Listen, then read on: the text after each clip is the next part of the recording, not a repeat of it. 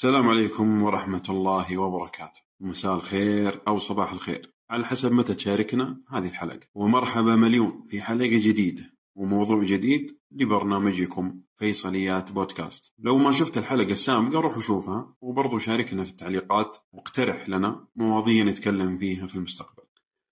موضوعنا اليوم عن التكلف. أول شيء وش هو التكلف؟ هو سلوك هدفه أن المصاب به يظهر بعض الصفات أو الإمكانيات اللي ما يملكها وممكن يكون التكلف في الأفعال أو في الأقوال أو المشاعر طيب وش هي أسباب التكلف؟ يتكلف الإنسان لأنه حاس بنقص في جانب معين فيحاول يعوض ذا النقص بإظهار شيء ما هو فيه أو أنه يعتقد بالتكلف الناس راح تحبه أو تعجب به وممكن الشخص يتكلف بسبب خوفه ان احد يستنقصه. وبرضه ممكن يتكلف يبغى يقلد ناس معينة ظروفهم غير ظروفه. طيب هل للتكلف أضرار؟ نعم التكلف له أضرار. من أضراره التعب النفسي.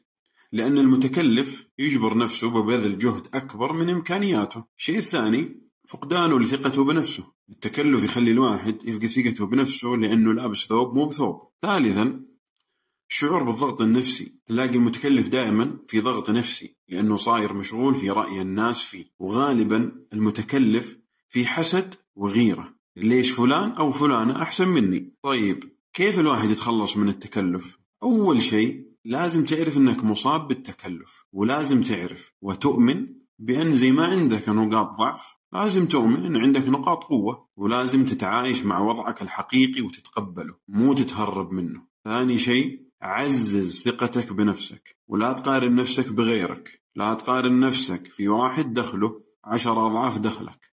ثالثا تقبل نفسك زي ما أنت ولا تحاول تغير نفسك علشان أحد.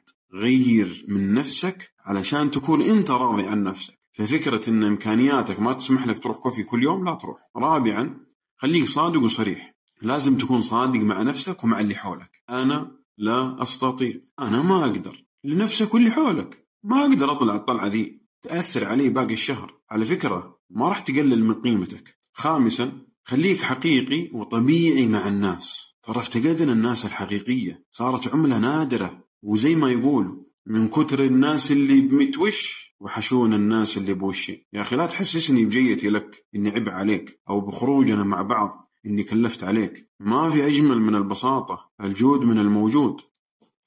تواصل وابني مع الناس علاقة حقيقية صادقة لا تبنيها بسلف أو خداع أو تمثيل. وآخر شيء واجه المواقف اللي تخليك تبغى تتكلف وتعامل معاها بواقعية. أنا إمكانياتي ما أسافر في السنة. لا تسافر. لا تقول لازم. وش راح يقولوا الناس وش ما راح يقولوا. لا تجعل رأي الناس أكبر همك. يقولون شذ إذا قلت لا وإن معت حين وافقتهم. فأيقنت أني مهما أردت رضا الناس لابد أن أذم. وتذكر دائما أن التكلف هم كبير وحياة البساطة ما في أجمل منها. أعوذ بالله من الشيطان الرجيم. لا يكلف الله نفسا إلا وسعها. يعطيكم العافية. قد ما مشت الدجاجة حافية وفي أمان الله.